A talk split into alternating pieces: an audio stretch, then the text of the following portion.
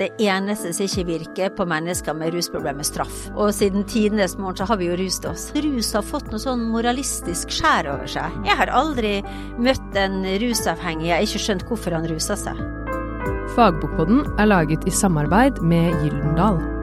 Kari Lossius, du er psykologspesialist, og så driver du noe som heter Minding Minds. Og du har holdt på en stund. Du har jobbet med rusfeltet i mer enn 25 år, og du har vært eh, spesialist i klinisk psykologi siden eh, sent på 80-tallet. ja. Så du er, ikke noe, du, er ikke du er ikke et ubeskrevet blad i eh, denne sammenhengen. Nei, Jeg bruker å si til pasientene mine at jeg er snart den eldste psykologen i Bergen, og nå har jeg litt praksis i Oslo, så det er, årene går, altså. Ja, ja, bare vent nå, så blir du eldst. Ja, ja, ja, hvis jeg holder ut, så blir jeg kanskje eldst. Du tar den. Du er her fordi du har skrevet en eh, bok, eller det er mange forfattere da, men eh, du er her for boken 'Håndbok i rusbehandling'. Og jeg, det første jeg har lyst til å spørre om er, hva er et rusproblem?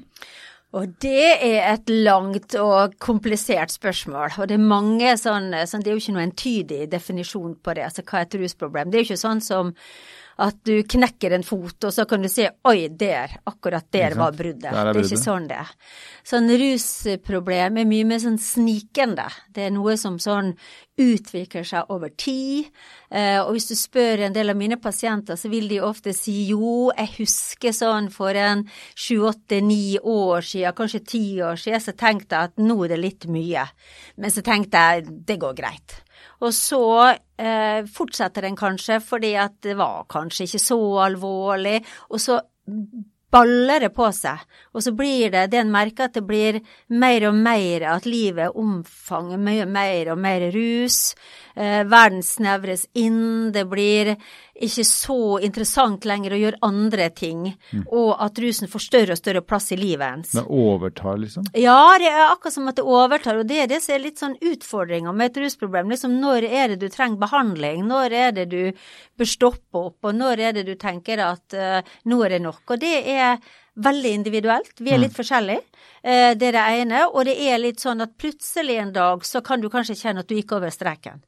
Eh, Sånn at, eh, men det vi sier er at eh, du har et rusproblem hvis du fortsetter å drive på og innta rusmidler til tross for at det er helseskadelig. Både helsa di går til pieces, det sosiale livet ditt går til pieces, jobben din blir ødelagt, og du fortsetter til tross for at det er masse negative konsekvenser, så fortsetter du. Og du fortsetter til tross for at omgivelsene dine sier at nå må du slutte. Eh, og du merker om morgenen at det å liksom greie å ikke la være å drikke blir vanskeligere og vanskeligere. Du husker mindre av de festene du var på, og du ser at dette tar overhånd. På et eller annet tidspunkt der, så har du et rusproblem. Men eh, når du innser det, er det da stort sett for seint? Altså sånn i forhold til at det er vanskelig Du kan alltid komme ut av ting, men, men at, det er, at det da er skrekkelig vanskelig å reversere, på en måte? Nei, det er aldri for seint, og det tror jeg er kjempeviktig å understreke. For noe av problemet med det å ha et rusproblem, er at det er så skambelagt. Altså, du kan liksom ha hva som helst av lidelse, bare ikke ruslidelse. Og Det er ikke det du snakker om på Facebook, liksom? Nei, sant, du sier ikke det. Hurra, i dag ble jeg lagt inn i klinikk for rusavhengighet. I dag har jeg og- ikke drukket på to dager. Liksom. Ja, sant. At det, det er veldig sjeldent at du får folk til å gjøre det. Og det er sånn at det som er noe av problemet, er at en venter for seint med å ta eh, kontakt og søke hjelp. Eh, Men det er aldri for seint, og etter hvert så har vi jo gode metoder som gjør at folk kan lettere få kontroll over livet sitt. Du sa det jo i og for seg nå, altså, øh, hvordan ser de som ikke sliter på de som gjør det? Ja, og det syns jeg er interessant på Altså, mange holdning, ganger. Holdningene våre? Ja, sånn holdningene våre er, det er veldig snodig det der, der. Fordi at det vi tenker er at hvis du har et angstproblem, hvis du sliter med angst, så vil det, folk flest tenke det at jo, det å kunne få et angstanfall i en situasjon som er vanskelig, det er forståelig. Men det en har veldig lite toleranse for, det er at folk som har et rusproblem, har slutta å ruse seg, og så får de tilbakefall. Det er vi ganske striks på i samfunnet hvorfor er det sånn? Fordi det, det er jo no, det kan jo altså Jeg har selv sluttet for mange år siden å røyke. Ja. Eh, og det er jo, jeg kan godt si at det er i miniformat, men nikotin er ganske heftig å kvitte seg med. Mhm. Eh, og de tilbakefallene, de kjenner jeg godt til. Jeg kunne bruke enhver liten unnskyldning til å ta bare én røyk. Ja. Ja, Som selvfølgelig var et sprekk hver gang. Ja. Ja, sant. Nei, altså hvorfor er det sånn at ikke vi liker det? Nei, det er et eller annet med at rus har fått noe sånn moralistisk skjær over seg. Det er som om det er en annen type lidelse enn alle de andre lidelsene.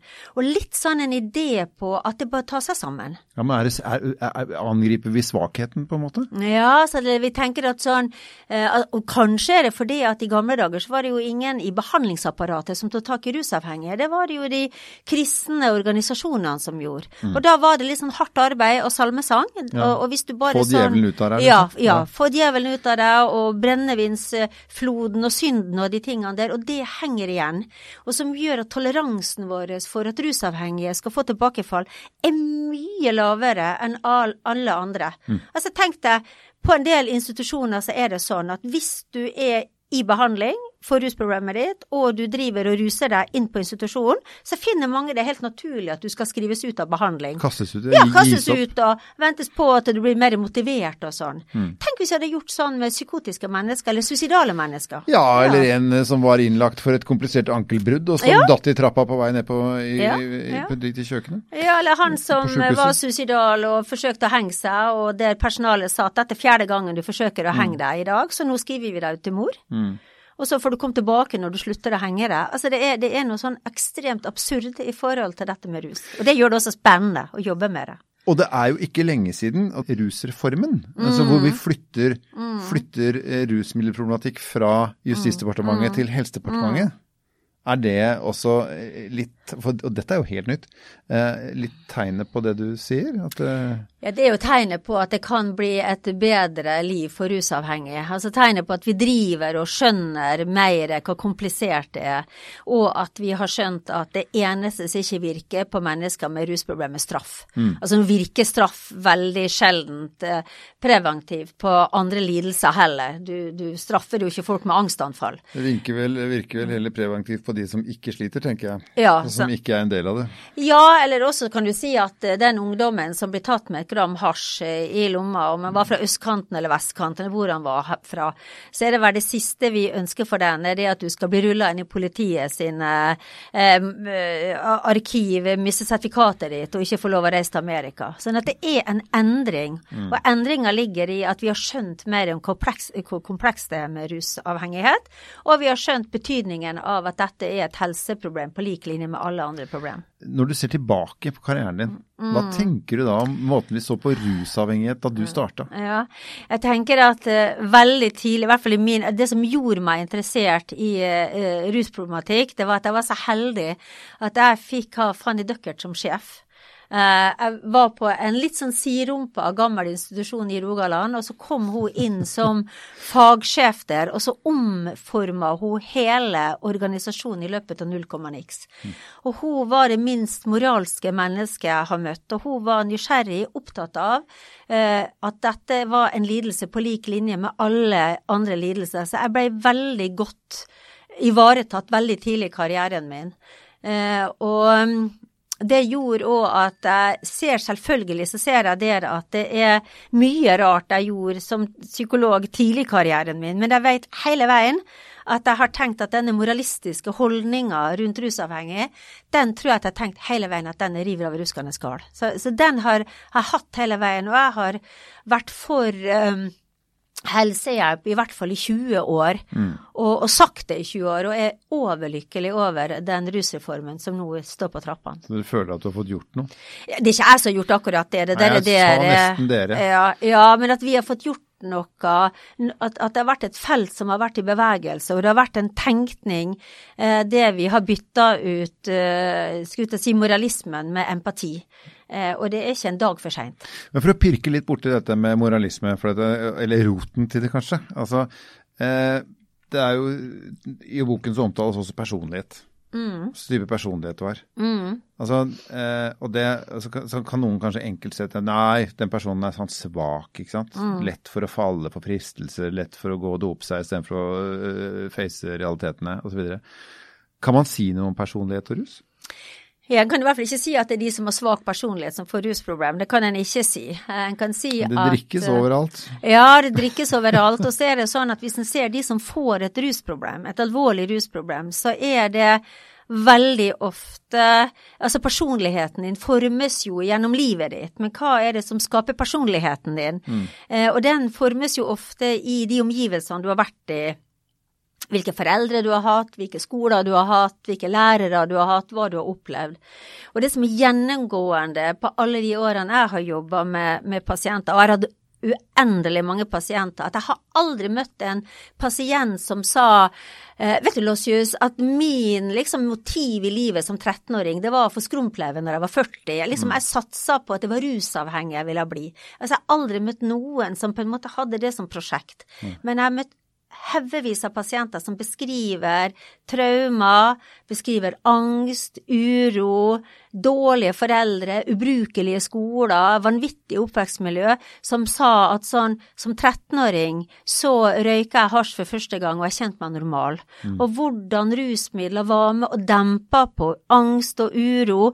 Og så kan du si at etter hvert sånn, så er jo den med å forme, kanskje også forme personligheten vår.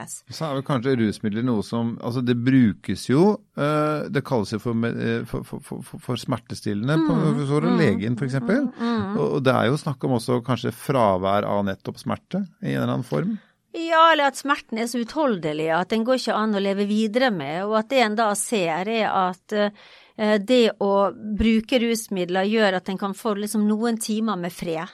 Altså det, det, det er Mine pasienter kjennetegnes med at de har eh, ganske alvorlige traumer, ganske alvorlige sår i oppveksten sin, som gir det veldig forståelig hvorfor de har havna der de har havna. Mm. Jeg har aldri møtt en rusavhengig jeg har ikke skjønt hvorfor han rusa seg. Okay. Du skjønner, du skjønner ja. årsakssammenhengen ja, hos alle? Ja, og, og det er ikke nødvendigvis at det er den årsakssammenhengen, men jeg skjønner et liv som har vært krevende og vanskelig med mye redsel, mye savn, eh, mye kompliserte ting, og hvordan rusen da lindrer. Og det vet vi jo alle. Mm. Altså en, en, dårlig dag, og du tar ett og to glass rødvin, og du kjenner litt sånn varmen sprer seg i kroppen, du får dempa deg ned, du får roa deg ned. Dagen slipper taket. Ja, sant. Sånn, eh, Nei, sånn at gudskjelovskvelden er jo det for oss alle. Akkurat nå skremte du liksom veldig mange. Altså, er det lov, det der? Trenger vi dope oss òg? Ja, altså hvis du ser, hvis du ser i nesten alle kulturer, og siden tidenes morgen så har vi jo rust oss. Ja. Så enten har vi rust oss på alkohol, eller så har noen rust seg på cannabis, eller så har noen rust seg på fleinsåpe. Altså vi har jo hatt det i oss. Så det kan, altså sånn at det at vi innimellom både har behov for en timeout, mm. slippe unna, ta det med ro. Altså alle vet jo det er fredagskvelden, sant. Mm. Altså da, det er jo timeout-kvelden. Altså da sier vi nå kobler vi av. Nå tar vi frem vinflaska, nå gjør vi noe ja, annet. Hvis du begynner å glede deg liksom på fredag ja. Åh, det er godt å komme hjem og bare få mm. De, de kommer nedi det andre halvveis inn i det andre glasset med rødvin. Da tenker jeg da, da, nå blir bra. Skal du bare kose deg?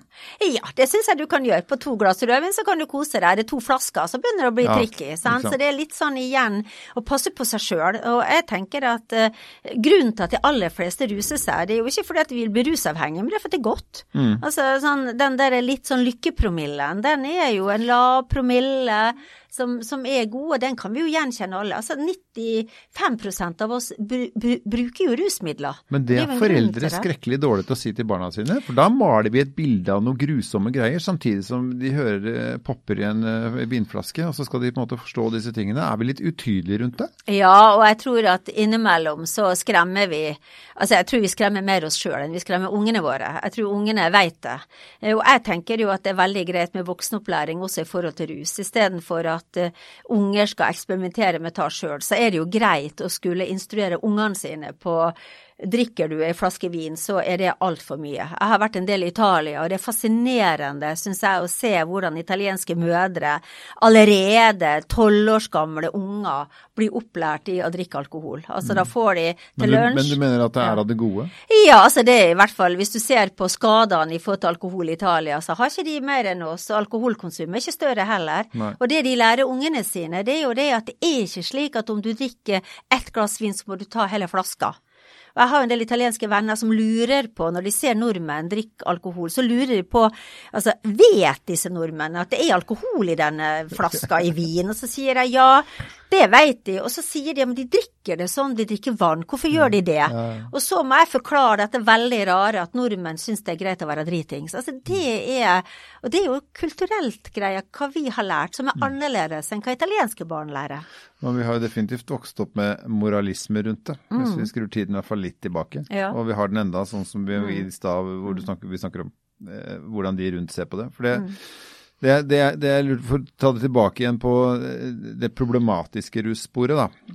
Eh, er det ofte Du har i og for seg sagt det, men sammenheng mellom psykiatri og rus? Og kom, hva kommer først da? Altså, blir man Ja, frynsete av å drikke, eller blir Ja. man altså Altså hva kommer først, høna eller egget? Jeg bruker å si at høna kommer først, og i det så betyr det at eh, veldig, veldig ofte så er det sånn at hvis du spør, og hvis du også, og det viser jo en del undersøkelser også, at de aller fleste som har et rusproblem, har tidligere rapportert i livet sitt at det starta med en psykisk belastning på et eller annet sett og vis. Sant? Og så er det det at rus kanskje er med som en type selvmedisinering, men så blir det både høna og egget i den forstand at rus forsterker de psykiske problemene, og de psykiske problemene forsterker rusen, og så blir det selvforsterkende. Så når det det betyr i behandling, så er det sånn at du er nødt til å tenke at du må behandle både de psykiske belastningene du har, og rusutfordringene dine samtidig. Ok, så du kan på en måte ikke gå på den ene av dem? Nei. Nei, det ville vært helt uh, merkelig å skulle tenkt. Og det var jo sånn i gamle dager drev vi på sånn. Ja, men er det ikke noen som bare drikker uten å ha noe trøbbel, liksom? Det er Bare, de bare drikker for mye? Det kan jo hende at det er noen som, har, som gjør det, og da spørs det om de har et rusproblem. Hvis de bare drikker og det ikke skader de, så da tenker jeg at har de et rusproblem da? Altså det må jo oppleves som en belastning enten av de eller av mm, pårørende rundt, sant. Det er jo en interessant sak. Er det, er det den som drikker som skal bestemme om de har et problem, eller er det partneren din? Og det er jo litt sånn relasjonene dine går i stykker, så kan det hende at da har du et rusproblem. Men, men det å jobbe eh, med, med alvorlig ruslidelse betyr at du må kunne du må kunne de psykiske, altså du må kunne lekser det innenfor psykisk helse, og må du, så må du kunne rus. Du må kunne begge deler. Det må du. Og vi stakkars vanlige folk kan jo ingenting. Eh, så eh, hva med de rundt? Eller vi rundt, da. Kaller du det? Altså, Ja, du- ja. Mm. Det, for det å begynne å si til en person, da, enten det er moren din eller en kompis eller eh, partneren, at jeg tror kanskje du er litt på feil eller litt langt ute på det sporet der nå. Det er ikke så lett, det. Nei, og det er kanskje ikke det det smarteste å si heller. Hva sant? skal du si? Nei, jeg tror at det som er smart For det første så er det sånn at pårørende må vite at de er de aller, aller viktigste. De er mye viktigere enn hvilken som helst behandler eller noe som helst. Slik at pårørende som er tydelige på hva de tenker og hva de vil, og når de setter foten ned, det er kjempeviktig. Så det er, det er veldig viktig å slå fast. Og så er det, tror jeg, som kan være smart, og det er jo ikke bare i forhold til rus, men i forhold til alt, og som vi ofte glemmer, sant? det er at istedenfor at jeg påpeker at du har drukket for mye, eller at nå er du i ferd med å bli rusavhengig, at du har et problem som jeg ser, så er det mye smartere at jeg tar utgangspunkt i meg sjøl, der jeg kan si at fordi at jeg er veldig glad i deg, så blir jeg så bekymra når jeg ser hvordan vi har det sammen nå, og det er noen konkrete eksempler her jeg har lyst til å ta opp med deg, er det ok? Det er en litt annen utgangspunkt enn å si at nå er du rusavhengig og du får ta deg sammen. Så det du sier er at hvis du går med en argumentasjon du selv eier, Ja. og sier at dette er pga. meg, Ja, og det er sånn at dette er det jeg som ser, og du kan ikke benekte at jeg ser det. Så slipper en den der debatten om en er alkoholiker eller ei. Jeg tenker sånn, det, hvis du gjør det, så vil du stort sett si, vil stort sett folk si 'jeg har kontroll, ikke bry deg'. Men hvis det er mer ditt utgangspunkt i dine observasjoner, der ikke du tar stilling til hva dette betyr, annet enn at du er glad i vedkommende, og at du har lyst til å snakke om det, så er den starten så mye enklere og mye bedre. Du har hørt Fagbokpodden, som er laget i samarbeid med Gyldendal.